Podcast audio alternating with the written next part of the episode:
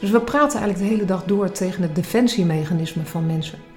En precies daar gaat het mis. Het gaat prima als die persoon er toevallig al zo over dacht. Maar als hij toevallig net anders keek, ja, dan ketst het af. En zorgt het voor verharding. En uh, zorgt het ervoor dat je, je goed bedoelde intentie gewoon wegwaait, niet gehoord wordt of op weerstand stuit.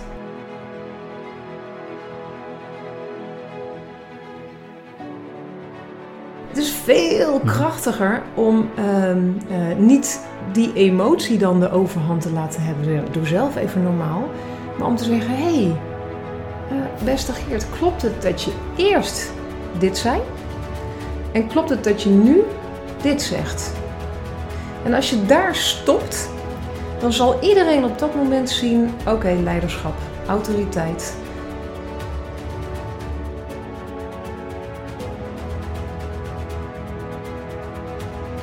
Dat als mensen die aan de lat staan, uh, uh, ervoor aan de lat staan om een verandering in een organisatie door te voeren, als zij veel secuurder en bewuster omgaan met wanneer push ik en wanneer poel ik, mm-hmm. dat er veel meer beweging bij medewerkers komt, veel meer veiligheid ontstaat en veel meer gezamenlijkheid vanuit eigenaarschap ontstaat.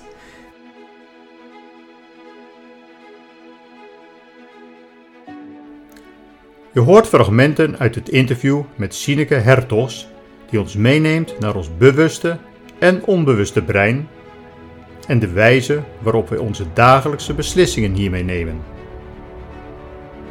Door minder de nadruk te leggen op het geven van argumenten om iemand van mening te doen veranderen, leren we in deze podcast dat we eerst door een defensiemechanisme heen moeten.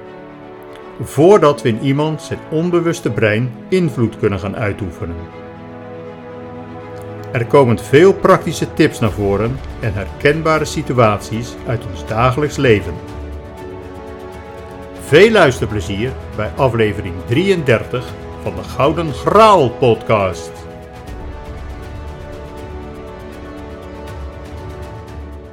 I feel like a. I'm so strong. Legacy. I'm.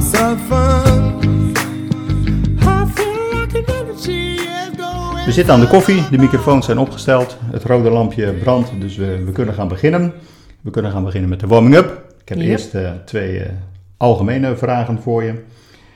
Met welke bekende persoon, mag dood of levend zijn, zou je graag één dag willen doorbrengen? Oeh, welke bekende persoon? Um... Het mag ook uit het buitenland zijn, het mag een Nederlander zijn. Leuke vraag. Um, ja, ik denk dan toch uh, een astronaut. En ik zou dolgraag de aarde even vanuit de ruimte willen bekijken. Dus okay. eigenlijk alleen maar even in dat leven stappen om zo uh, de aarde van een afstand te kunnen bekijken. Dat lijkt me echt heel erg gaaf. Okay. Ja. Ja, dus als er een astronaut luistert, toevallig. En toevallig. Denkt, ja, ik neem er even mee dan uh, bij deze. Is dat te regelen? Ja. Oké, okay, helemaal ja. goed inderdaad. Welk bekend persoon zou je graag een masterclass impact met onzichtbare invloed willen geven? Ook een leuke vraag. Ah, ik schuif dan toch iets meer op naar um, politiek. Ik schuif iets meer op naar partijen die invloed hebben op het publieke debat. Mm-hmm. Uh, simpelweg omdat ik zie dat er zoveel sprake is van polarisatie. Dat er zoveel sprake is van bubbels. En dat lijkt eigenlijk alleen maar te verharden. En uh, ik zou dolgraag enkele sleutelfiguren um, de kennis en het inzicht en de technieken mee willen geven om echt oprechte verbindingen aan te gaan en veiligheid te creëren. En vooral alle werkelijkheden intact te laten die er zijn in de optiek van verschillende mensen uit verschillende bubbels. En te kijken waar de verbinding zit. En hoe je het goede uit de ene bubbel haalt en dat verbindt aan het goede uit de andere bubbel. En eigenlijk vanuit gelijkwaardigheid samen nieuwe oplossingen creëert. Dus nog niet direct een persoon, maar wel sleutelfiguren die het maatschappelijke debat uh, invulling en versnelling kunnen geven. Oké. Okay. Zou je het ook internationaal uh, willen toepassen? Ja. Ja, ja, ja gekscherend zeggen we altijd als collega's onder elkaar. Uh, wij dragen elke dag een beetje bij aan wereldvrede. Mm -hmm. En dat, uh, dat klinkt natuurlijk uh, lacherig en veel te ambitieus. Mhm. En toch is het wel wat we doen. We merken dat we elke dag mensen helpen om meer verbinding met elkaar te vinden.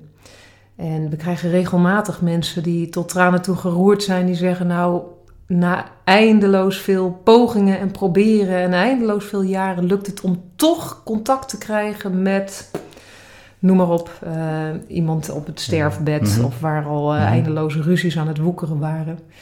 En denk ik, ja, toch het verschil gemaakt. En uh, vind het razend interessant om te kijken wat er gebeurt als we dat op, op grotere schaal Mhm. gaan toepassen. En echt met elkaar gaan doen. In plaats van blijven knokken tegen elkaar, de verbindingen opzoeken. En kijken wat er dan gebeurt. Duidelijke missie. Een missie ook met een, met een hoge lat, maar de, de, lat, Ja, de, dat de lat klopt. mag best hoog eh, liggen wat dat betreft. Ja. liggen. Nou, Ja. Oké, als wij een enquête onder duizend willekeurige luisteraars van deze podcast zouden houden en de volgende vraag aan ze zouden stellen. Hoeveel procent van je dagelijkse beslissingen maak je bewust en rationeel? Mhm. Wat zou de uitkomst dan zijn, denk je? Ik denk dat ze zeggen dat eh, zo'n 30% van de beslissingen dat ze die rationeel nemen. Mhm. Ik merk dat ik regelmatig vraag aan mensen. Ik leg ze uit over het verschil tussen het bewuste en het onbewuste brein. En ik baseer me daar op de theorie van Daniel Kahneman. Eh, hij hij eh, won de Nobelprijs voor de economie door aan te tonen dat mensen die twee breinsystemen hebben. En hij legt uit dat het bewuste brein het rationele, logische brein is dat gevoelig is voor ratio en logica en objectieve afweging. En het gedeelte waar je mag verwachten dat er rationele beslissingen tot stand komen. En ik vraag regelmatig aan, eh, als ik ergens een, eh, een eh, lezing geef of een, een keynote of een presentatie geef, dan vraag ik mensen naar hoe is die verhouding, denk je, tussen het bewuste brein en het onbewuste Mhm. brein. En dan zeggen ze meestal 70-30 of 80-20. Dus 70 voor onbewust of 80 voor onbewust en 20 tot 30 procent voor eh, het bewuste brein. En het is natuurlijk eh, veel te optimistisch ingeschat. optimistisch. Ja. Ja, ja. Want het goede antwoord is, want dat was ook mijn volgende vraag, maar je, je hebt er al op ingehaakt. eh. Ja, klopt. Ehm, ja, wetenschappers stoeien een beetje over de laatste paar procent. Mhm. Dus het varieert ergens tussen de 5 en de 2 procent. Dat mensen bewust, rationeel Mhm. en logisch zijn. En eh, naarmate we beter in de hersenen kunnen meten, zie je eigenlijk dat in de afgelopen decennia dat percentage bewust zijn, dat dat afneemt. Dat wil niet zeggen dat we minder bewust Mhm. bezig zijn. Maar het wil wel zeggen dat we steeds dieper en beter in de hersenen kunnen meten. eh, en de processen kunnen meten en monitoren als de neuronen eh, rondflitsen Ja. in die hersenen. En naarmate we dat scherper in beeld hebben, zien we eigenlijk dat we nog minder bewust zijn dan we altijd dachten in de afgelopen decennia. Want misschien voor de luisteraars die nog niet helemaal thuis zijn in, in deze materie, kun je een voorbeeld noemen van een, een bewuste beslissing die je neemt in je dagelijks leven en een voorbeeld van onbewust gedrag. Ja. Nou, een voorbeeld van eh, misschien leuk om eerst even Mhm. eh, te kijken hoe dat bij jou zit, als je dat goed vindt, Jaap. Prima. Ja? Eh, waar woon je ook alweer? Barendrecht. Barendrecht. Oké, en hoe lang woon je daar? Eh, eigenlijk mijn hele leven al. Oké. Geboren in Rotterdam, dat wel. Maar Ja. voor de rest eh, woon ik eh, nog steeds in Barendrecht. Wel een paar verhuisd. Maar, Ja? Ja. Leuk. Ehm, dat kan de luisteraar thuis natuurlijk niet zien, maar op het moment dat ik jou die vragen stel, Mhm. proces je die met je onbewuste brein. Mhm. En ik kan dat zien omdat er gewoon vol oogcontact is tussen ons. En je antwoorden zijn er heel snel, heel soepel en je hoeft je daar niet voor in te spannen. Als ik je nu vraag naar, wil je even uitrekenen hoeveel eh 17 keer 28 is? Mijn eerste impuls is dan, eh, dan pak ik mijn iPhone en dan ga ik, Ja. eh, Helaas, de app, de dat mag niet. open inderdaad. eh. Nee, ik begrijp wat je bedoelt, want dan ga je inderdaad ga je veel moeilijker ga je, ga je denken. Dan ga je, oh ja, hij is eh, tien keer dan nog zeven keer erbij inderdaad. Hij moet optellen, moet aftrekken en dan wordt het, eh, Precies. dan wordt het een heel ander verhaal. Wordt een heel ander Ja, verhaal en wat je zal zien, en je demonstreert het nu een beetje, maar Mhm. je besloot om er niet naartoe te gaan, Mhm. om het bewuste brein niet aan te zetten, is dat je ogen volledig uit contact gaan Mhm. en dat ze daar bewust eh, die taak gaan volbrengen. En dat ze mensen zichzelf hardop gaan coachen. Dat ze gaan zeggen, oh wacht even, nee dat klopt niet. En eigenlijk een beetje wat je liet Mhm. zien, namelijk oh dan moet je het eerst keer tien doen en dan blijft er nog wat over. Mhm. Dan moet je dat daarbij optellen. Dat het lichaam gaat bewegen, dat daar eh, cortisol wordt Mhm. aangemaakt, adrenaline. Ehm, dus dat zijn een aantal tekenen waaraan je kan zien dat het bewuste brein aanstaat. En je vroeg specifiek naar eh, welke beslissingen we dan bewust nemen Mhm. en welke we onbewust nemen. Uh, ja, bewuste beslissingen neem je eigenlijk, uh, die denken we vaak te nemen. Uh, maar wat er meestal aan de hand is, is dat ons onbewuste brein al lang de beslissing heeft genomen. En dat we achteraf nog een goed verhaal moeten bedenken. Dus dat we met postrationalisatie de argumenten bedenken bij het besluit dat we eigenlijk al lang onbewust hebben genomen. We willen eigenlijk onze beslissing rechtvaardigen. Klopt. We zien onszelf heel mhm. graag als rationeel mhm. bewust wezen. Ja, en dat zijn we maar slechts mhm. in een heel beperkt deel van de tijd. Is dat eigenlijk uh, erg? Want is het ook niet een soort overlevingsstrategie om zoveel mogelijk op de automatische piloot te doen? Jazeker, mm want als er een uh, leeuw op je afgerend komt, dan, uh, ja, dan, dan het bewuste systeem mhm. werkt trouwens ook heel traag. Hè? Dus het onbewuste brein gaat echt zo ongelooflijk veel sneller dan het bewuste brein. Maar als er een leeuw op je afkomt, en je gaat dan eerst je opties in hmm. kaart brengen en je gaat die opties ranken. Wat zal ik eens doen? Zal ik blijven zitten, kijken of hij me niet ziet? Zal hmm. ik uh, wegrennen? Zal ik hem uh, met een bel te lijf gaan? Ja, laat ik eens even in een matrix gooien en dan uh, criteria hmm. afzetten. Ja, dat, nee, natuurlijk niet. Te laat. Ja. Precies. Jammer joh. dus wat je zegt is helemaal waar. Dat onbewuste brein, er zitten heel veel dingen in als instinct en intuïtie en reacties en inschatten. Uh, en, normen en waarden en ervaringen die ervoor zorgen dat je bepaald gedrag laat zien. Dus het, het heeft ons enorm geholpen. En het, het maffe is eigenlijk dat uh, op het moment dat je een nieuwe taak leert, een nieuwe vaardigheid leert, dan leren we die via het bewuste brein.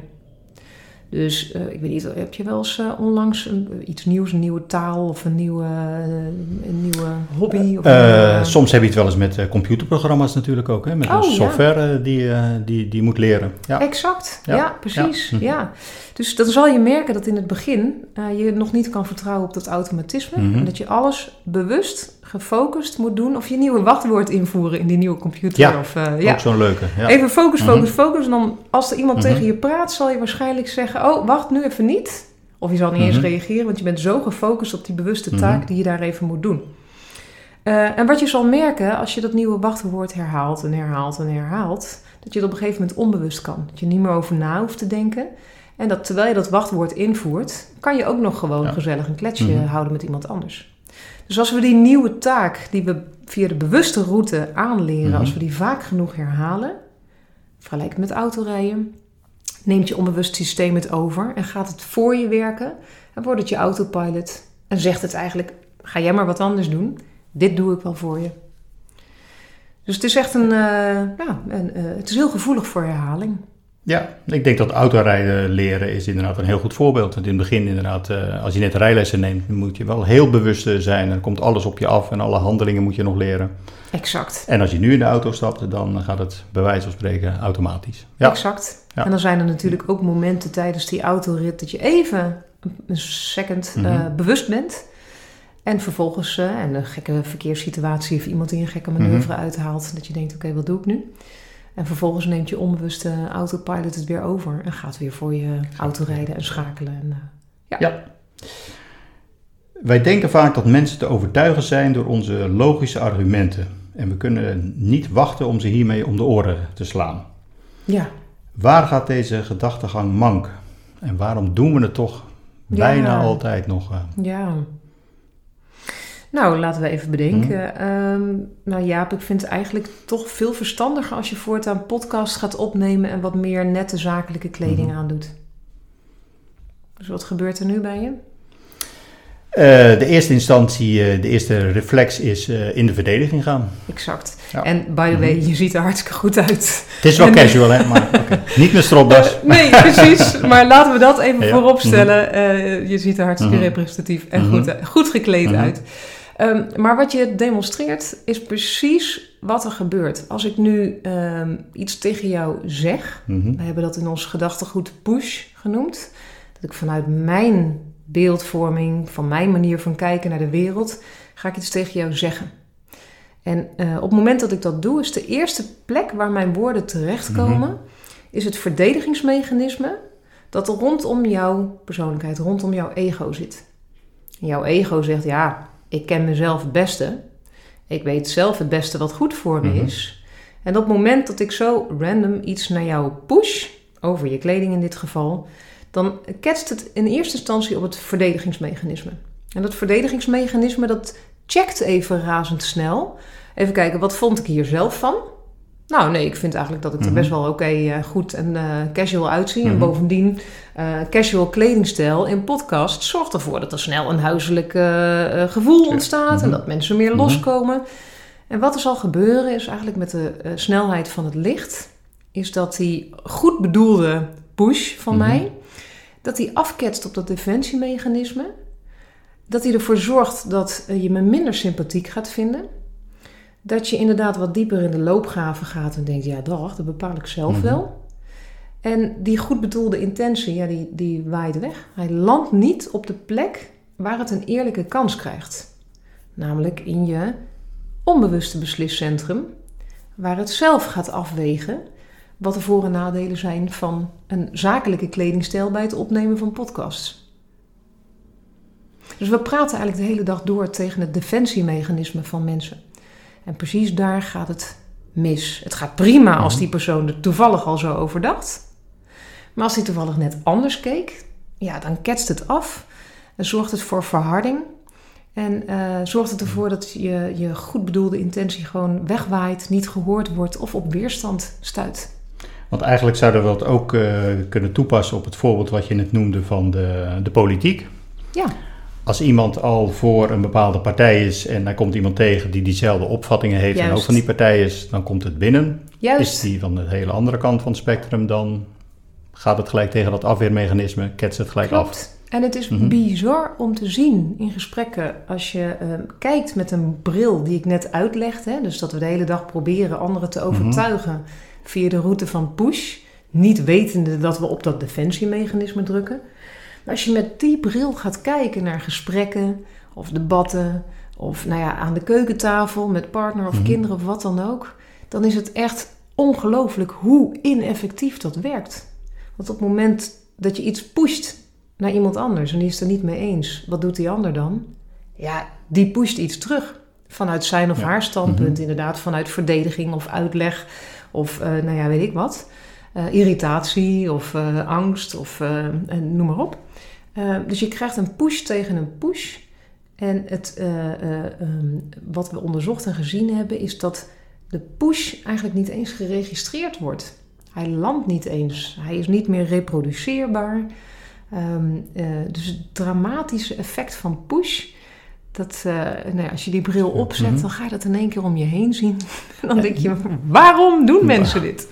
Nou ja, dat zou ook mijn volgende vraag zijn. Want eh, wa- waarom doen we dit? Als we, we weten eigenlijk dat het niet effectief is, maar toch zit het een beetje in ons ingebakken om te denken als je met iemand praat en je bent het niet met hem eens, dan Ja. ga je zelf ga je die, die logische argumenten voor jou dan, ga je op die ander projecteren en ga je uitzenden. Ja, klopt. Ja, klopt. Nou, evolutionair zit er natuurlijk een klein dingetje in. Eh, eh, namelijk als we over onszelf praten, eh, dan gebeuren er allerlei eh, dingen in onze hersenen Mhm. waardoor stofjes vrijkomen en er bijvoorbeeld dopamine wordt aangemaakt. En dopamine zorgt voor een gelukzalig gevoel. Dus we praten het liefst de hele dag door Mhm. over onszelf. Dus we plaatsen onszelf eigenlijk in het centrum en denken de wijsheid in pacht te hebben en te weten wat het beste is, niet alleen voor onszelf, maar ook voor anderen. Mhm. En soms is, eh, vinden we niet dat we het beter weten dan een ander, maar willen we iemand ergens voor behoeden? Of willen we iemand vanuit zorg ontlasten? Eh, maar al die intenties, die weer afhangen van hoe je zelf Mhm. onbewust in elkaar zit, die zorgen ervoor dat je de route kiest van push. Vanuit je eigen standpunt wordt het eigenlijk beloond, eh, eh, fysiek gezien, eh, omdat dat stoffen aanmaakt die ervoor zorgen dat we zelf blij worden. Alleen op het moment dat je pusht, is die eh, dopamine aanmaakt bij jou en niet bij die gesprekspartner. En die gesprekspartner voelt zich niet gezien, niet gehoord, heeft het idee dat hij moet veranderen, vraagt zich af: oh, is mijn kledingstijl, is dat dan niet oké? Vind je daar iets van? Eh, en er, er ontstaat eigenlijk verharding in het gesprek. Want hoe ga je zelf, eh, als je bepaalde gesprekken hebt met, eh, met iemand, ik bedoel, dan zeg je al van je moet eerst zien door dat defen- eh, defensiemechanisme heen, heen te komen, Ja. afweermechanisme. Eh, hoe, hoe kom je daarachter? Want als het nog een redelijk nieuw persoon is die je nog niet goed kent, dan moet je eerst zijn, zijn ego, noem je dat eigenlijk in je boek. Hè? Dus beschrijf je dan wat het ego is zijn. Hoe zou je dat omschrijven als opvattingen? Ja, ego is eigenlijk ehm, eh, een combinatie van alle ervaringen die iemand in Mhm. zijn leven heeft opgedaan, gecombineerd met alle informatie en alle boodschappen die je in je leven hebt gehoord. Mhm. En daarin zit natuurlijk hele sterke informatie en opvattingen, normen en waarden. eh, en, en, en onbewuste overtuigingen die je op basis van ervaringen, normen en waarden allemaal hebt samengebald Mhm. in dat ego. En die dat ego ehm, uiting geven, handen en voeten geven. En die daarmee eigenlijk ook gewoon je dagelijks gedrag eh, bepalen. Maar dat staat niet op je voorhoofd geschreven. Dus Klopt. bij, je- bij je gesprekspartner moet je daar eerst achter zien te, zien te komen. Ja, gek genoeg. Het, is- het klinkt inderdaad eh, alsof dat een soort magie is die je moet toepassen. Mhm. eh, en en een soort hogere wetenschap. Alleen het mechanisme dat elk mens een ego heeft. En dat in dat ego is belegd dat het liever niet wil veranderen. En dat het de bestaande manier van kijken intact wil houden. En dat dat ego is toegerust met een defensiemechanisme Mhm. die ervoor zorgt dat dat ego intact blijft. Dat principe is voor elk mens hetzelfde. En wat ook voor elk mens hetzelfde is, is als je pusht op dat defensiemechanisme in een poging om iemand in beweging te, Mhm. te brengen, dan werkt dat averechts. Maar als je gaat poelen, wat we er tegenover hebben gezegd, Ja. push versus pull, Mhm. Dan kom je door dat defensiemechanisme heen. Maakt niet uit welke ego-programmering er aan de andere kant zit. Maar zorg je ervoor dat je mensen eigenlijk ehm, eerst ervoor zorgt dat je in verbinding komt met ze. Zodat ze in tweede instantie, als de veiligheid en verbinding een gelijkwaardige, respectvolle benadering is, dat ze in tweede instantie gaan openstaan voor vragen, want dat is de meest basale eh, pooltechniek die er is, Mhm. een goede open vraag. Dat ze gaan openstaan voor eventuele nieuwe invalshoeken. Niet die jij er tegenaan pusht, maar waarin ze zelf uitgenodigd worden om te bedenken eh, wat die nieuwe invalshoek zou kunnen zijn. Dus de opbouw van het ego verschilt per persoon, maar iedereen heeft er een. En ook bij iedereen wordt het beschermd door een defensiemechanisme. Als je erop duwt, landt het niet, zorgt het voor eh, nou ja, verwijdering. En als je gaat poelen, bereik je mensen op de plek waar ze zelf mening vormen en eh, uiteindelijk beslissingen nemen. Als we nu weten dat mensen hun mening niet zullen aanpassen, door als we alleen onze mening proberen op te, te dringen, Ja, wat is dan eigenlijk de reden dat er in talkshows altijd nog eh, voor- en tegenstanders over een bepaald onderwerp tegenover elkaar gezet worden, Ja. die eigenlijk totaal niet naar elkaar luisteren, maar alleen maar vanuit hun optiek aan het zenden zijn? ja, Dat is ja. eigenlijk de meest slechte vorm van communicatie eigenlijk, of niet? ja exact. En ik Hm. zie eigenlijk twee soorten programma's daarin. En eh, het eerste programma is natuurlijk gewoon kijkcijfers. En oh leuk, Mhm. daar gebeurt wat. En als, het, als er emotie te zien is, dan trekt dat. Dus als het over inhoud gaat, of over eh, processen, of over systemen, is dat veel minder Mhm. interessant voor het eh, eh, onbewuste brein Ja. dan wanneer het over emotie Mhm. gaat. Dus er is een categorie talkshows en noem maar op, die denken: oké, gaat het over emotie en clasht het lekker? Dat is goed voor de kijkcijfers. Wat ik ook zie, is dat er meer programma's zijn waarbij er echt wordt geprobeerd om een soort verkenning van verschillende standpunten aan tafel te Mhm. krijgen. En wat je dan vervolgens ziet, is dat ehm, eh, eh, rondom een bepaald thema, dat ieder vanuit dat standpunt aan zo'n tafel, aan zo'n gesprekstafel pusht. En dat de gespreksleider of de host zelf ook last heeft van een ego en een opvatting Mhm. en een mening. En wat je zal zien is dat die gespreksleider eigenlijk alleen maar bezig is om de gesprekstijd te verdelen tussen de verschillende partijen die aan het pushen zijn. Maar die zelf ook gehinderd wordt door een opvatting ten aanzien van het onderwerp. En eh, moet je maar eens opletten. Je zal merken dat zo'n host heel vaak gesloten vragen zal stellen aan de verschillende gesprekspartners. Mhm. En als je kijkt naar een gesloten vraag, dan zal je zien dat de mening, of de scope of de belevingswereld van de gesprekspartner in die vraag zit besloten. Dus die zal het, eh, de gesprekstijd proberen te verdelen door een partij die even onderbelicht is geweest, podium te geven, Mhm. maar dan wel even met een klein prikkeltje. Maar vind je dan zelf eigenlijk ook niet dat? En vind je zelf eigenlijk ook niet dat? Dat is een gesloten vraag. Wat we hebben gezien is dat dat altijd de aanname of het oordeel of de mening van de vraagsteller daarin zit. En ook op het defensiemechanisme drukt van, eh, van de gesprekspartner. En ik zie in zo'n debat eigenlijk continu dat de cirkeltjes gaan van ieder vertelt zijn standpunt. En soms landt er een stukje, per ongeluk, meestal niet. Uh, en ik zie de, de, de host daar proberen positie in te pakken en zendtijd te verdelen. Mhm. En het gaat eigenlijk altijd over verleden en nu. Maar waar het niet over gaat, is hoe kunnen we nou samen, als we dit intact laten, dus wat jij zegt intact laten, en we laten intact wat die zegt, en we laten intact wat die zegt.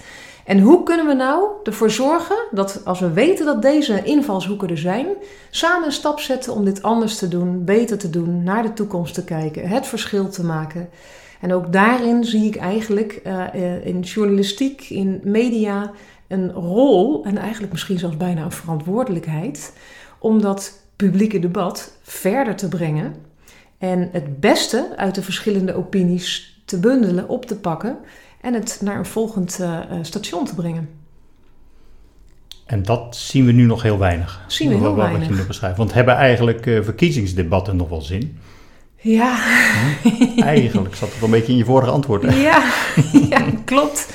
Ja, hm. klopt. Um, ja, goede vraag. De vraag is natuurlijk ook... Uh, wat is wenselijk? Wat laten politici graag zien aan de voorkant? En wat gaan ze realiseren aan de achterkant? En hoe beïnvloeden ze het sentiment um, in het debat? En ik denk dat dat nog vaak heel onhandig gebeurt. Wat eigenlijk is, nou ja, goed, jouw boek gaat ook over onzichtbaar invloed. Uh, In een verkiezingsdebat willen ze zeker willen ze invloed hebben, want ze willen natuurlijk de, nou ja, in ieder geval zwevende kiezers willen ze naar hun kamp trekken. Ja. Uh, de vraag is alleen, ja, gebeurt dat wel in, in, grote mate na afloop van het debat als je dat aan die zwevende kiezers zou vragen. Ja, nou het is interessant mhm. dat je daar de mhm. zwevende mm kiezers uithaalt. Omdat de, de mensen die al het voorafgenomen standpunt hebben, ja, daar moet je wel van hele goede huizen komen. Uh, dat je iemand uh, van links naar rechts. Uh, nee, precies. Dus als je kijkt naar die zwevende kiezer, dan zullen die onbewust hun keus maken op basis van sympathie en authentiek leiderschap. En op het moment dat je in een debat uh, pusht, verlies je aan credits. Want uh, mensen kijken onbewust niet meer naar wat zegt iemand, maar naar wat pikt mijn onbewuste brein op. Hoe oké, hoe betrouwbaar, uh, hoe veilig, hoe sympathiek vind ik deze mhm. persoon. En dat bepaalt hun stemgedrag. En op het moment dat je pusht, verlies je aan die credits, hebben we gezien. En op het moment dat je poelt en ehm, eigenlijk ruimte geeft aan een ander, en dat je eigenlijk oordeelvrij onderzoekt hoe die ander, die misschien wel je opponent is in het debat, hoe die denkt en kijkt. En je verbindt dat aan jouw standpunt. Mhm. Dan gaat die zwevende kiezer uh, leiderschap, sympathie, connectie, verbinding met je zien. En die zal dus eerder geneigd zijn om op jou te stemmen. En dus daarmee op je partij te stemmen.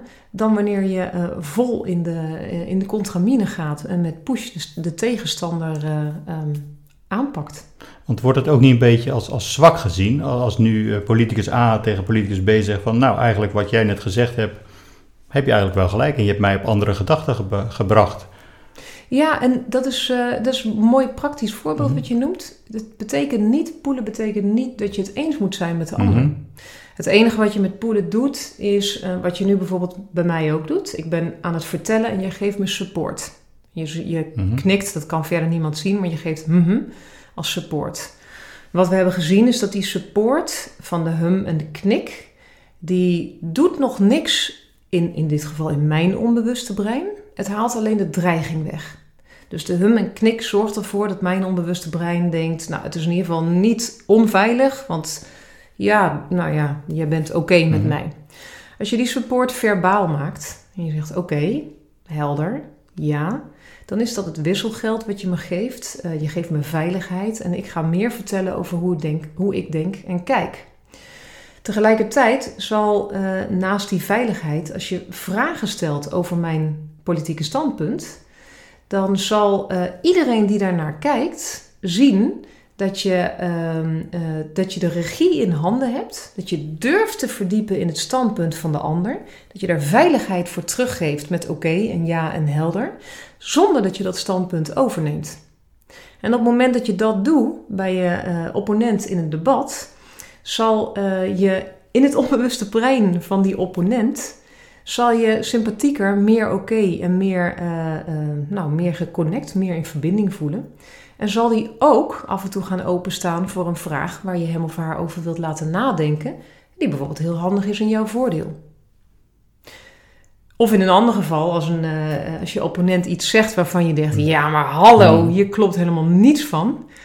Doe zelf even normaal, of wat, uh, wat zei Rutte? Ja, doe zelf normaal, ja. Precies. Um, het is veel krachtiger om um, uh, niet die emotie dan de overhand te laten hebben. Doe zelf even normaal. Maar om te zeggen: hey, beste Geert, klopt het dat je eerst dit zei? En klopt het dat je nu dit zegt? En als je daar stopt, dan zal iedereen op dat moment zien: oké, leiderschap, autoriteit en um, oké, scherpte, uh, intelligentie. En het gaat niet over de rug van de ander. Het gaat niet over, uh, je wordt zelf niet omhoog geduwd omdat je de ander wat omlaag duwt. Uh, maar het is bijna een soort toevallige passant die even op feiten checkt en het vervolgens bij de ander laat. Want je doet het meer met respect ook eigenlijk. Klopt. Zonder de ander hard aan te vallen. Klopt. Of naar beneden te willen duwen. Ja, en mhm. daar is die zwevende mhm. kiezer gevoelig voor. Die registreert onbewust haar fijn wat er gebeurt en waar die zich graag aan verbindt. Ze hebben volgens mij wel eens een onderzoek gedaan door tijdens verkiezingsdebatten uh, het geluid uit te laten zetten. Ah, en dat mensen alleen maar naar de lichaamstaal van, uh, van de politici keken en dan hun beslissingen. En daar kwamen het ook wel verrassende uitkomsten ja. kwamen daaruit. Uh. Ja. Ja. ja, lichaamstaal, maar vooral ook dat effect van poelen. Wat je dus zelf in de hand kan werken, wat je gewoon kan aanleren. Uh, dat heeft een gigantisch effect op uh, uh, sympathie en, en likability. En ja, hoe graag mensen zich aan je willen verbinden. En dus ook graag voor je kiezen. Even wat, wat anders. Ja. De campagnes om te stoppen met roken, die spelen in op de gevaren voor de gezondheid van de, ja. van, van de rokers. Denk jij dat die campagnes eigenlijk wel zin hebben door in te spelen op die gevaren? Want nou, komt dat eigenlijk wel door dat afweermechanisme heen, denk je? Hele goede mhm. vraag, een hele leuke mm. vraag. Um, er schieten nu echt heel veel verschillende. Je ziet het ook dat ik mijn ogen dicht doe trouwens. Ja, ja, even naar Ik ga naar mijn bewuste brein. Ja. Um, nou, laat ik starten met. Um, je, je geeft inderdaad aan dat in die rookcampagnes of anti-rookcampagnes. dat er heel vaak wordt gefocust op risico's en nadelen en problemen. En alle foto's op de pakjes met sigaretten en tabak. die focussen allemaal mhm. op die risico's. Eens.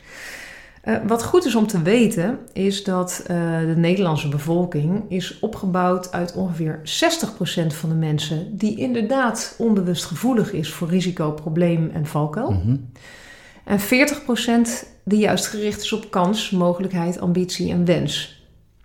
Dus als je in je campagne inspeelt op problemen en risico's, mis je eigenlijk al het gedeelte dat onbewust geprogrammeerd is in kansen en mogelijkheden en wensen. Dus de campagne slaat daar in elk geval. 40% ben je al kwijt. Ben je al kwijt, precies.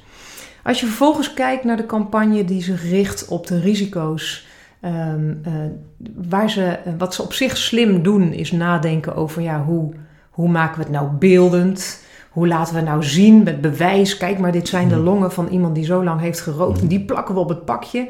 Maar wat er gebeurt bij die onbewuste uh, uh, kijker of roker, die denkt, die weet natuurlijk rationeel en bewust dat roken ongezond is. Dat je er ziek van kan worden, dat het medemens kan schaden, dat je er dood aan hmm. gaat, dat het geld kost, you name it. Maar we hebben gezien dat dat maar 2% van de tijd aanstaat. En 98% van de tijd is daar het onbewuste brein dat allerlei legitieme redenen, tussen aanhalingstekens legitieme redenen mhm. bedenkt, waarom die longen op dat pakje niet zijn of haar longen zijn. En bovendien, uh, opa is er ook 92 mee geworden en die rookte twee pakjes mhm. per dag. En uh, bovendien, ja, ik heb nu gewoon even troost nodig, mhm. want ik heb het even heel moeilijk of ik heb stress, dus ik steek er eentje op. Um, dus ik denk dat de campagnes er zijn enorm belangrijk en enorm goed. Ik denk ook dat ze nog niet maximaal gebruik maken van de onbewuste breinvoorkeuren. Uh, en ik denk ook daarnaast dat het een uh, verantwoordelijkheid of een doel of een ambitie van de gezondheidszorg zou kunnen zijn om ervoor te zorgen dat er bij rokers, en of het nou gaat over rokers of drinkers of mensen die veel te veel suiker gebruiken of niet sporten en alle nou ja, welvaartsziekten, noem maar op, dat het een mooie ambitie en taak zou kunnen zijn om te kijken hoe kunnen we bij die uh, patiënt of patiënt in wording uh, gedragsverandering tot stand brengen. En gedragsverandering betekent dat niet uh, laten zien van zwarte longen op een pakje zorgt voor gedragsverandering, maar in de wereld van die patiënt of patiënt in, in spe, dat je daar motivatie, belang, urgentie creëert, niet vanuit de valkuilen vanuit een medische scope. Maar door echt met zo'n patiënt te gaan zitten en te kijken: oké, maar als dit gedrag, sowieso laten we even op tafel krijgen, wat is het schadelijke gedrag op dit moment? Zullen we dat gewoon eens in alle eerlijkheid mhm. in beeld brengen? Want daar wordt natuurlijk ook heel vaak uh, een beetje, het wordt mooier voorgedaan in de wachtkamer van de, van de dokter. Mhm. Uh, nee, het zijn, uh, zoals Van Koot en de Bie zeiden, geloof ik, nee, alleen menthol filtersigaretten. ja, ja. Ehm, dus daar start al een stukje. Mhm. Dus dat een patiënt echt eerlijk op tafel legt uh, hoe de voorkeuren stilzit ten aanzien van dat niet zo handige gedrag. En dat die zorgverlener in staat is om die patiënt te laten voelen, te laten ervaren wat er ofwel mis kan gaan voor die 60% in zijn of haar wereld met kinderen of kleinkinderen of nou, noem maar op. Of wat de winst is voor de overige 40%, wat de kansen zijn, de mogelijkheden, de ambitie, als iemand besluit, besluit om te stoppen met roken. En die switch, urgentie, belang, motivatie op de juiste plek krijgen, dat kan als zorgverleners weten hoe ze moeten poelen in de scope, zoals wij dat noemen, in de belevingswereld van die patiënt. En wat we in de praktijk vaak zien is dat zorgverleners veel aandacht hebben voor het goede gesprek met die patiënt, maar dat ze stiekem gesloten vragen stellen vanuit de zorgverlenerskoop. En precies dat zorgt ervoor dat die motivatie en die urgentie en het belang in die belevingswereld van die patiënt nog niet aangaat. Begrijp ik het dan goed als je, je moet het persoonlijk maken door als, als je iemand, uh, stel wij zijn allebei dokter, we krijgen iemand in onze spreekkamer die, die een rookprobleem heeft hij zegt wel, nou, ik, ik wil er toch wat van af, maar, maar dat lukt me niet. Ik heb al zoveel ja. pogingen ondernomen. Dat je dan eerst die persoon moet, moet leren kennen, of dat hij dan misschien, je noemt het, uh, hij heeft kinderen, hij heeft misschien kleinkinderen, dat je ja. daar dan op gaat focussen van, ja, maar er zijn wel hele grote risico's aan verbonden, doordat je misschien niet zo lang meer leeft, je ziet ze misschien niet opgroeien. Uh, en hoe zou je het vinden als je je kleinkind niet ziet trouwen bijvoorbeeld? Zou dat een betere manier zijn? Fantastisch. Er zit één kleine uh, azijnzeikerige uh, hmm. kanttekening in. Uh, want voordat je ging poelen, met je mm -hmm. vraag was fantastisch, hoe zou, je het, hoe zou het zijn als je je kleinkind niet ziet trouwen? Mm -hmm. En dat is een open vraag waarbij jij regisseert dat die patiënt daarover na gaat denken. En als je daarop gaat doorvragen, dan ontstaan er beelden en dan gaat die persoon dat bijna voor zich zien en die gaat vervolgens voelen hoe het is om daar niet bij te zijn. Dus dat was subliem in wat je deed. Daarvoor pushte je een stukje over de risico's. Dus uh, als wij artsen zouden zijn, Mhm. inderdaad, dat we dan zouden uitleggen dat het niet handig is omdat het risico's met zich. En dat is onze eigen professionele scope, die voor die patiënt averechts werkt. Want dat push-stukje ketst af op het defensiemechanisme en dan zijn de geledingen gesloten. En vervolgens mag die vraag er niet meer doorheen over dat trouwen van kind Ja. of kleinkind. Ehm, want eh, de geledingen zijn al dicht. Dus je komt er niet meer doorheen. Dus inderdaad, met pool leer je eerst de belevingswereld van die patiënt kennen. En weet je eh what makes him tick. Dus waar zit het belang? Waar zit de urgentie? Wat is echt wezenlijk? Wat is belangrijk voor die patiënt? En als je dat goed genoeg kent, mag je in tweede instantie de patiënt uitnodigen om, te laten, om, om na te denken over precies wat jij zei. Van hé, hey, hoe, hoe zou je dat vinden als je eh, de bruiloft van je kleinkind niet mee zou maken? Hoe erg zou dat voor je zijn? Eh, Dan moet je daarop doorgaan eigenlijk. Klopt. Zodat ja. die beelden steeds scherper worden. Klopt. Dus hoe meer je doorvraagt op de beleving die je hebt gecreëerd na zo'n eerste, wat wij noemen, regievraag. Want jij regisseert dat die patiënt nadenkt over eh, de bruiloft van kleinkind. Als je erop doorvraagt, wordt dat groter en ontstaan er plaatjes en beelden. En uh, uiteindelijk ook, als je dat lang genoeg doet, en lang genoeg, daar bedoel ik precies 30 seconden mee, gevoelens, emoties. En als je die weet te raken, ontstaat er echt belang en urgentie. Als er echt belang en urgentie is, dan is het in één keer uh, ontstaat er motivatie om in de stap daarna uh, gedrag te veranderen. Duidelijk. Ik zit gelijk te denken aan een, uh, een reclamefilmpje van een verzekeraar was geloof ik, waarin uh, de schooljeugd zeg maar werd geconfronteerd met het uh, gedrag van hun mobieltjes op, op de fiets in het verkeer. Ja. Ik weet niet of dat je hem gezien Volgens hebt. mij met een ongelooflijk split-second ongeluk loopt dat af, of niet? Klopt inderdaad. Ja. En daarna lieten ze eigenlijk beelden zien van wat ze daardoor eigenlijk allemaal zou, zou missen in de rest van het leven. Dus Ja. dat sluit eigenlijk helemaal aan bij wat je net vertelde. Ja. En het is ook mooi om te zien dat daar ongelooflijk, dat, dat filmpje was Mhm. enorm in opspraak. Dus iedereen had het erover. Ja. En we weten allebei inderdaad onmiddellijk welk voorbeeld je bedoelt. Mhm. Dus het heeft geplakt en het heeft geraakt. Ik weet niet wat het effect ervan is geweest op de jongeren. En, laten we wel wezen, of de jongeren dat filmpje überhaupt gezien hebben. Want ik weet even niet meer zo scherp of dat op eh, ehm, TikTok en op eh, Snap en op eh, Insta en weet ik veel wat Mhm. voorbij is gekomen. Of dat het in complete verkeerde media voorbij is gekomen, zoals de televisie, waar echt geen hond meer naar kijkt. En zeker de jeugd niet. En zeker de jeugd niet, precies, precies. Dus het is ook nog de combinatie met Mm. bereik je ze dan op de goede kanalen. Maar ik vind het wel een mooi voorbeeld. Ja. eh, ja. Een ander eh, hoofdstukje. Eh, het is onderzocht dat ongeveer 70% van de veranderprogramma's in organisaties mislukken. ja. Zou dit percentage omlaag kunnen als ze meer gebruik van de poolstrategie Ja. zouden maken? Ja, het lijkt alsof je een stukje uit mijn nieuwe boek eh, hebt gehaald. Oké, Want ik heb het nog niet gelezen, dus Volgens mij het is toeval. Mhm. eh, eh, klopt het dat daar ook de bron eh, McKinsey is, met die 70%? Ja, nou die... eh, Ah, ik heb hem op internet ja, teruggevonden. ja, ja. ja, absoluut. Ehm, ja, de, de, ehm, goh, ik durf daar geen eh, hand voor in het vuur te steken, omdat er natuurlijk altijd heel veel factoren zijn die bepalen Hmm. of een verandering slaagt of niet. Waar ik mijn hand wel voor in het vuur durf, te steken, dat als mensen die aan de lat staan, eh, eh, ervoor aan de lat staan om een verandering in een organisatie door te voeren, als zij veel secuurder en bewuster omgaan met wanneer push ik en wanneer poel ik, Mhm. Dat er veel meer beweging bij medewerkers komt, veel meer veiligheid ontstaat en veel meer gezamenlijkheid vanuit eigenaarschap ontstaat. Nou ja, en laten dat nou wel net succesfactoren zijn, belangrijke succesfactoren voor een verandering. Maar er is natuurlijk nog veel meer wat bepaalt of een verandering slaagt of faalt. Maar het is zeker een belangrijke component. En dat gebeurt nog bar weinig op het moment. Want als je in een organisatie bijvoorbeeld een cultuurverandering wil doorvoeren, Ja, waar ben je dan meer de voorstander van? De, de top-down benadering of de andersom, dat het van onderaf Ja. eh, moet, eh, moet komen? Ja, mooi. Ik, Mm. ik zeg meteen, Mm. het maakt niet uit.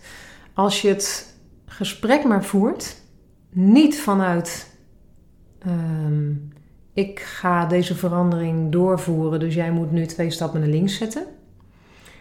Maar als je als eh, ehm, vaandeldrager van de rande- verandering, of je nou in de raad van bestuur zit, of dat je ehm, eh, de, de, de meldingen bij de ICT eh, verwerkt, hè, de tickets, hoe noem je Mhm. dat?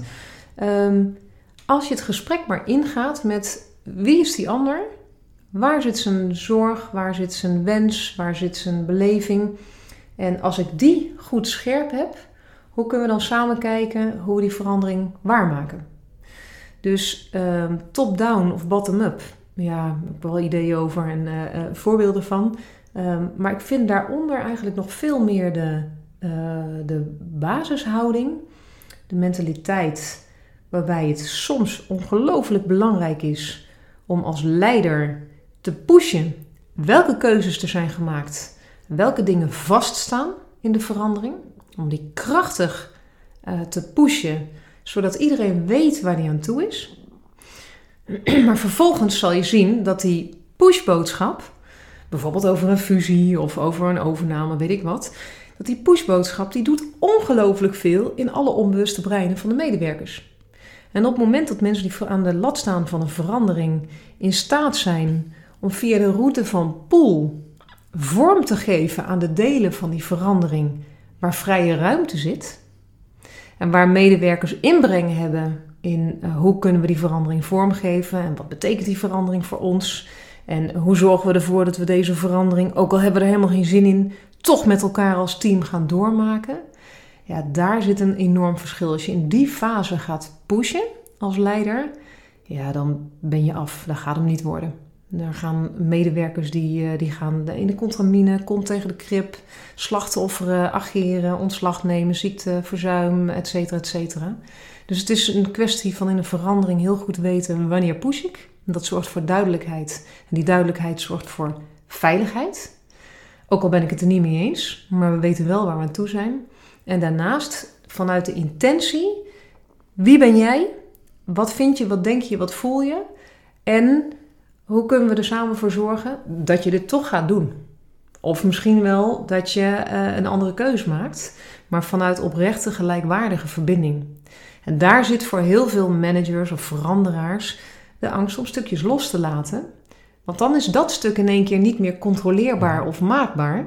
Maar dan is dat in handen, of een deels in handen, mede in handen, van degene met wie je dat samen doet. En dat loslaten zorgt ervoor dat we dat nog relatief weinig doen. ja. ja. Want vat ik hem goed samen als je zegt de kaders worden bepaald top-down. Uh, maar de invulling, uh, daar gaan we met elkaar over in, in gesprek. Want het is toch ook een, een volgens mij een, eh, een, duidelijke motiverende factor als medewerkers zelf ook invloed op hun werk mogen hebben. Dus dat je dat loslaat en dat aan de afdelingen medewerkers meer overlaat. Is dat een goede samenvatting? Absoluut, absoluut. En die beweging, die, uh, die schreeuwt erom om heel zuiver en goed gefaciliteerd te worden. Want net zoals ik net die talkshow host eruit haalde, mhm. die zelf van alles vindt in dat debat aan tafel. Uh, en dat komt er in de een na de andere gesloten vraag, komt die eigen belangen, eigen mening, eigen visie mhm. komt eruit. Datzelfde zie je bij die manager of die teamleider of die veranderaar, die in gesprek gaat met de mensen in het team, die vervolgens mee vorm mogen geven aan een stuk hoe, inderdaad bijvoorbeeld.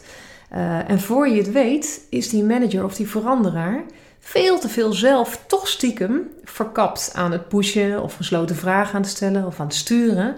En heb je last van de dynamiek, namelijk medewerker, leidinggevende teamleider. En ja, uh, wat gebeurt er als ik, uh, als ik hier nu tegenin ga? En ben je eigenlijk nog niet gelijkwaardig samen vorm aan het geven aan dat, dat stukje van die verandering. Dus die valkuil, ja, we zijn allemaal mensen, we hebben hier allemaal last van. En dit echt zuiver uh, en gelijkwaardig en oordeelvrij doen, dat vraagt echt training en beheersing. Want je gebruikt ook in je boek het eh, begrip regievragen. Ja. Je, je, noemde het net al even, even kort. En dat zijn eigenlijk de, de wie, wat, wanneer, waartoe. Dat, dat soort uh, open, open vragen eigenlijk. Hè? Mm, ja, en als ik hem mag nuanceren. Mm dat zijn regievragen. De vragen die je stelt, zoals ik net bij je deed toen ik je vroeg waar woon je. Mhm. Namelijk aan de veilige buitenkant van de belevingswereld van een ander. Dus regievragen die, uh, uh, die zijn onbewust te beantwoorden. Veilig, snel, makkelijk. Wie ben je? Waar woon je? Hoe ziet je gezin eruit? Waar werk je? Uh, hoe ben je hier terechtgekomen? En die regievragen die verkennen de veilige buitenkant. En doorvragen zorgen ervoor dat je steeds verder naar binnen mag en opschuift als het veilig genoeg is voor het mhm. onbewuste brein naar die innerlijke belevingswereld. Emotie, belang, uh, uh, gevoel. Ik zit even te denken, want volgens mij zat er jouw vraag, zat er een vraag aangekoppeld waar ik nog geen antwoord op, op heb gegeven. Je zei, uh, je haalt regievragen aan. Uh, ik noemde daar die voorbeelden van wie, wat, wanneer, uh, dat soort zaken. Oh ja, ja, precies, dank. Dus regievragen mhm. die kenmerken zich door die veilige mhm. buitenkant van de belevingswereld te verkennen. Maar doorvragen kunnen natuurlijk ook heel goed beginnen met wat of waarom of wie of hoe. Alleen ze verkennen een diepere laag. Je moet het voorzichtig opbouwen en dan steeds dieper gaan. Klopt. Dat is het eigenlijk. Ja. Oké. Nu zit denk ik, we hebben het net al even ook genoemd, uh, ons eigen ego, die zit ons heel vaak in de weg.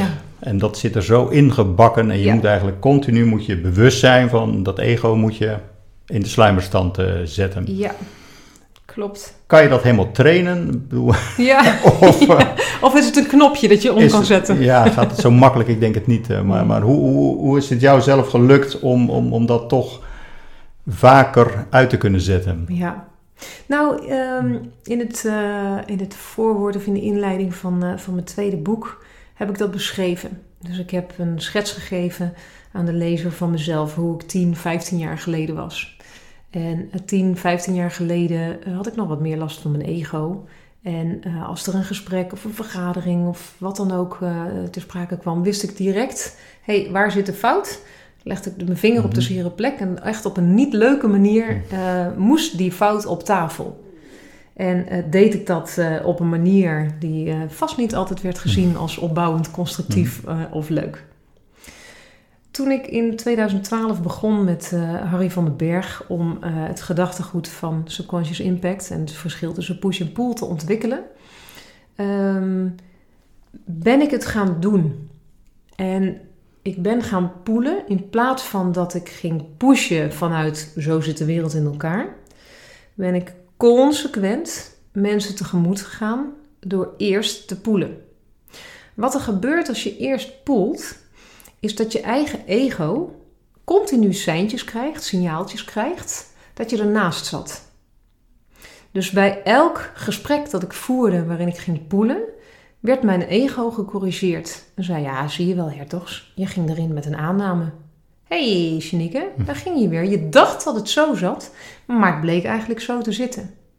Nou, als je ego 10, 20, 30, 100 van die signaaltjes krijgt, ja, dat ego dat voedt zichzelf en dat schaaft zichzelf bij, dat leert onbewust dat het veel handiger is en veel meer oplevert als je eerst verkent voordat je iets gaat vinden. Of dat je eerst verkent en dan toetst of het matcht met wat je eigenlijk vond. Dus ehm, eh, je kan eerst allerlei dingen gaan doen om ervoor te zorgen dat je heel oordeelvrij wordt. Of dat al bent, kan natuurlijk ook. En dan is poelen heel makkelijk. En tegelijkertijd, als je van jezelf merkt: hé, hey, ik heb best vaak conflict of even botsing of irritatie in gesprekken met andere mensen, dan werkt heel veel poelen. Eh, om ervoor te zorgen dat je eigenlijk je ego, zoals je net zei, wat makkelijker even terug kan houden. Of even eh, in de koelkast kan zetten. Of even bij je kan houden. Dus het, het heeft een soort zelfopvoedend karakter. En daar gaat best wel wat tijd overheen, denk ik. Want je moet het hier, je moet het, we komen weer terug, je moet er bewust mee, mee bezig zijn. Klopt. Voordat het meer onbewust gaat, eh, gaat worden. Klopt. En dan zijn we weer Mhm. terug bij die eerste Mhm. autorijles. Versus eh, nu in de auto stappen en onbewust rijden. Dus wat ik vaak hoor van mensen die we opleiden, is dat ze zeggen: Ja, maar Janieke, de hele natuurlijke flow gaat uit mijn gesprek. Ja, maar het voelt heel gekunsteld om support te gaan geven. Ja, maar deze vraag heb ik al gesteld. Wat gebeurt? Ik kan die vraag toch niet nog. Ik ben heel raar aan het doen. Mijn eerste vraag is altijd: Oké, wat kreeg je terug van je gesprekspartner toen je dat aan het doen was? Nou ja, dat het een fijn gesprek was. Oké, dus registreer voor jezelf. Het valt jezelf op dat je raar doet. En dat klopt, want je bent bewust. Je bent bewust bekwaam op dat moment. En je bent bewust aan het bedenken: oké, wat wordt mijn volgende vraag? Oh, ik ga mijn mening binnenhouden. Oh, ik moet support blijven geven. Eh, dus het voelt heel stroef, heel moeizaam en inderdaad houterig of gekunsteld. Maar wat weten we ook? Op het moment dat je dat herhaalt en herhaalt en herhaalt, zegt je onbewuste brein: Ah, je wil dat ik ga poelen? Prima joh. Ga ik dat doen? Hoef je niet meer over na te denken. Kan jij wat anders doen? En eh, dan ga ik dat voor je doen. Dan ga ik gewoon onderzoeken hoe die ander denkt en kijkt. En sterker nog, als je dat vaak genoeg doet, dan zegt, mijn eh, zegt je onbewuste brein: Oké, degene waar ik nu het verst vandaan sta, in mening, opvatting, zienswijze, daar is het meest te halen. Dus die zoek ik op in plaats van dat ik daar instinctief vandaan ga. Maar die zoek ik op en die ga ik helemaal onderzoeken. Net zo lang totdat ik iets heb gevonden waarvan ik denk: ah ja, wauw, hier zit het brokje goud. En wat ik meestal zie is dat mensen instinctief eh, juist van zo iemand vandaan willen, omdat daar weinig herkenning is en weinig het gevoel van eh, eh, we denken op dezelfde manier. Heb je dit ook wel eens geprobeerd met iemand die aan de hele andere kant van het spectrum eh, qua politieke opvattingen eh, stond? Ja, Ja, en daar zijn ook uh, uh, ongelooflijk leuke experimenten en ook boeken over geschreven. Um, hoe verander je mening bijvoorbeeld, onlangs gelezen. en de, daar zijn fantastische proeven over gedaan. Um, dus ja, dat kan. Ja. ja. Als ik naar ons gesprek luister, dan, dan komt er eigenlijk een, een, andere vraag bij mij naar boven. Zouden we hier ook op, op jongere leeftijd met, met onze, onze jeugd, zeg maar, al iets over kunnen gaan aanleren? Ja, absoluut. En ook dat krijgen we zo vaak te horen van alle mensen die we opleiden of waar, we, uh, waar ik een, een spreek of een lezing voor doe. Dat ze zeggen, jeetje, als je dit eenmaal ziet, sowieso, hoe kan het, eigenlijk wat je net ook vroeg, hoe kan het dat we dit met z'n allen zo blijven doen? En laten we hier alsjeblieft op hele jonge leeftijd mee starten. En laten we ervoor zorgen dat kinderen eigenlijk als vast onderdeel in educatie meekrijgen hoe belangrijk het is. Niet alleen om weerbaar te zijn en om samen te werken, uh, als in taken verdelen en plannen en weet ik wat. Maar om echt verbinding op te zoeken en te weten dat de meeste toegevoegde waarde zit in de persoon die het minst sympathiek en het minst leuk vindt. En uh, waar je als kind het minst graag mee speelt. En hoe creëer je daar nou constructieve verbinding mee? Ja, dan start je vanuit een totaal andere beginpositie. En ik denk inderdaad, als we dat één of twee generaties doen, dat we een stapje dichter bij wereldvrede komen. Binnenkort, je noemde het net al even, komt er een nieuw boek van je uit. Klopt. Uh, kun je daar vast een tipje van de sluier uh, op, uh, op lichten? Is het zeg maar een vervolg op het boek wat hier voor ons ligt, de impact, de kracht van onzichtbare invloed? Of ga je toch wat meer ook een, een zijpad daarvan in? Nou, um, en en. ik wilde een boek schrijven dat los te lezen is van het eerste boek. Mm -hmm. En dat zorgt ervoor dat ik de essentie van het eerste boek heb samengevat in het tweede boek. Um, maar wat het tweede boek doet, is uh, het geeft een systematische aanpak om ervoor te zorgen dat je mensen in beweging brengt. En het zorgt ervoor dat je uh, stapsgewijs aan de hand van heel veel voorbeelden, dialogen, tien jaar praktijkonderzoek, dat je geïnspireerd wordt en een stapsgewijze aanpak aangereikt krijgt die ervoor zorgt dat je direct in je volgende gesprek het verschil daarmee kan maken. En um, er zit inderdaad een heel stuk in ook over uh, waar je net aan refereerde. Verandering in organisatie. En wat is dan de rol van push en wat is de rol van, push, uh, van pool?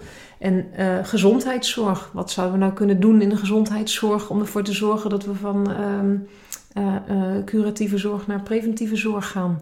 er zit een stuk in over, waar je ook over begon, polarisatie en uh, nou ja, de, maatschappij eigenlijk dichter bij elkaar brengen in plaats van uh, vanuit bubbels dingen naar elkaar roepen en elkaar pijn doen. Dus het is een boek dat, uh, dat start met een samenvatting van de visie en het gedachtegoed. Wat vervolgens heel praktisch wordt naar hoe breng ik mensen in beweging met heel veel praktijkvoorbeelden. En die aan het eind een doorkijkje geeft naar maatschappij, naar gezondheidszorg en een aantal andere toepassingsmogelijkheden. Ik denk als dat tweede boek uitkomt, dan ben ik alvast blij dat we deze podcast hebben opgenomen. Want dan denk ik dat je agenda nog voller zal worden. We moesten nu al een paar keer eh, schuiven, maar ik denk dat die dan nog voller zal gaan, eh, gaan worden. Dat lijkt me een hele interessante weet. vervolg gaan worden. Ja, leuk. Voordat we overgaan tot de vaste slotvraag. Uh, en we de foto gaan maken met natuurlijk de, de Gouden Gralen podcast. Koffiemok ja. en het boek natuurlijk. Ja. Wil ik je vragen, ben ik nog iets vergeten te vragen? Of wil je nog iets, iets kwijt? Wat ik je niet gevraagd heb. Maar wat, een, uh... wat doe je de volgende keer aan als je weer een podcast gaat ja, ik ben toch een beetje eigenwijs. Maar dat heeft misschien ook een beetje met, met, met bijgeloof te maken. Dus ik, ik denk inderdaad wat jij al zei, casual kleding, dat geeft ook een bepaalde uh, vibe, zeg maar, al een bepaalde sfeerzetting uh, geeft, geeft het aan inderdaad. Dus. Ja, dat is je goed gelukt. En ik, mm. ik vond het heel mm. erg aangenaam en fijn om met je samen te werken in deze podcast. Dankjewel, maar we gaan toch nog even de, de slotvraag ook doen. Uiteraard. Als je morgen de baan van eh, Mark Rutte zou mogen overnemen, wat zou dan je eerste beslissing zijn die je op de agenda vanuit het torentje zou nemen? Oeh. Dat je deze vragen ook allemaal niet even van tevoren stuurt, hè? Nee, maar daar kan je erover nadenken. Nee, superleuk. Hij moet bewust zijn. eerste beslissing. Hmm. Ja, ik ben nu natuurlijk een beetje uh, geprimed door een van de laatste onderwerpen, zoals je het aanhaalde, namelijk ehm, dit, deze uh, opvatting verankeren op wezenlijke momenten in het leven van een mens. Namelijk dus in scholing, in opvoeding, in, in campagnes. Hoe zorg je ervoor? Een tijdje geleden was toch de campagne Doe eens lief tegen elkaar. Mhm. Die intentie is natuurlijk heel goed. Ehm, alleen wat gebeurt er nou als je als baas van het land op de meest wezenlijke plekken in het leven van mensen een verschil gaat maken door gebruik te maken van pool, gelijkwaardige verbinding, in plaats van pushen naar elkaar en knokken. Dus ik denk als ik Mark Rutte zou zijn, zou ik kijken naar waar zijn de grootste uitdagingen en hoe zorg ik ervoor uh, dat ik dit gedachtegoed zoveel mogelijk daar veranker. Omdat er hele andere resultaten uitkomen als je dit gaat toepassen. Dus volgens mij zou ik een lijstje gaan maken met waar gaat dit het grootste verschil maken in de maatschappij. Het was ook maar je eerste dag, hè? dus je hoeft niet alles oh. gelijk in één keer eh, af te ronden. oh, gelukkig. Wat lange dus termijn mag Het mag gewoon eerst het lijstje zijn? Dat mag eerst het lijstje nou, dat mag ook zijn. Coolant. Ik heb in ieder geval weer een heleboel dingen geleerd, dus daar wil ik je voor, voor bedanken. En eh, ik hoop dat de luisteraars het ook eh, interessant eh, hebben gevonden. Hoe kunnen ze je bereiken als ze hier nog meer informatie over willen hebben? Nou, ehm, even googlen of even op LinkedIn kijken. Um, maar misschien het meest handige www.don'tpushme.nl. Daar vind je ons. En ehm, ja, meestal met mijn naam gaat er van alles mis in de mhm. spelling. Dus misschien is dit de, meest veilige route. Ik zal hem ook in de show notes eh, erbij vermelden. Dan hoeven ze alleen maar op de link te klikken en dan komen ze gelijk eh, bij je website uit. Helemaal goed. Dankjewel. Dankjewel, ja.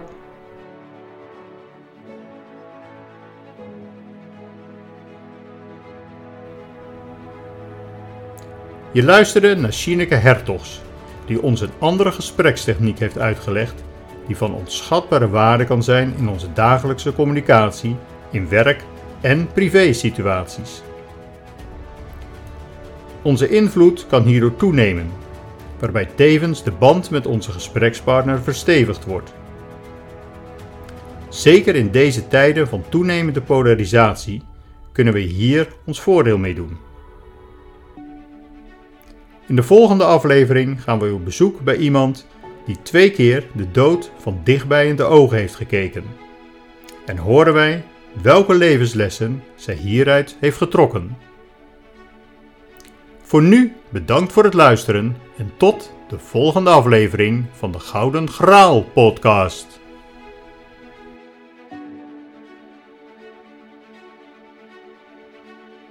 I feel like a. I'm so strong. The legacy. I'm suffering. I feel like an energy is going inside my mind.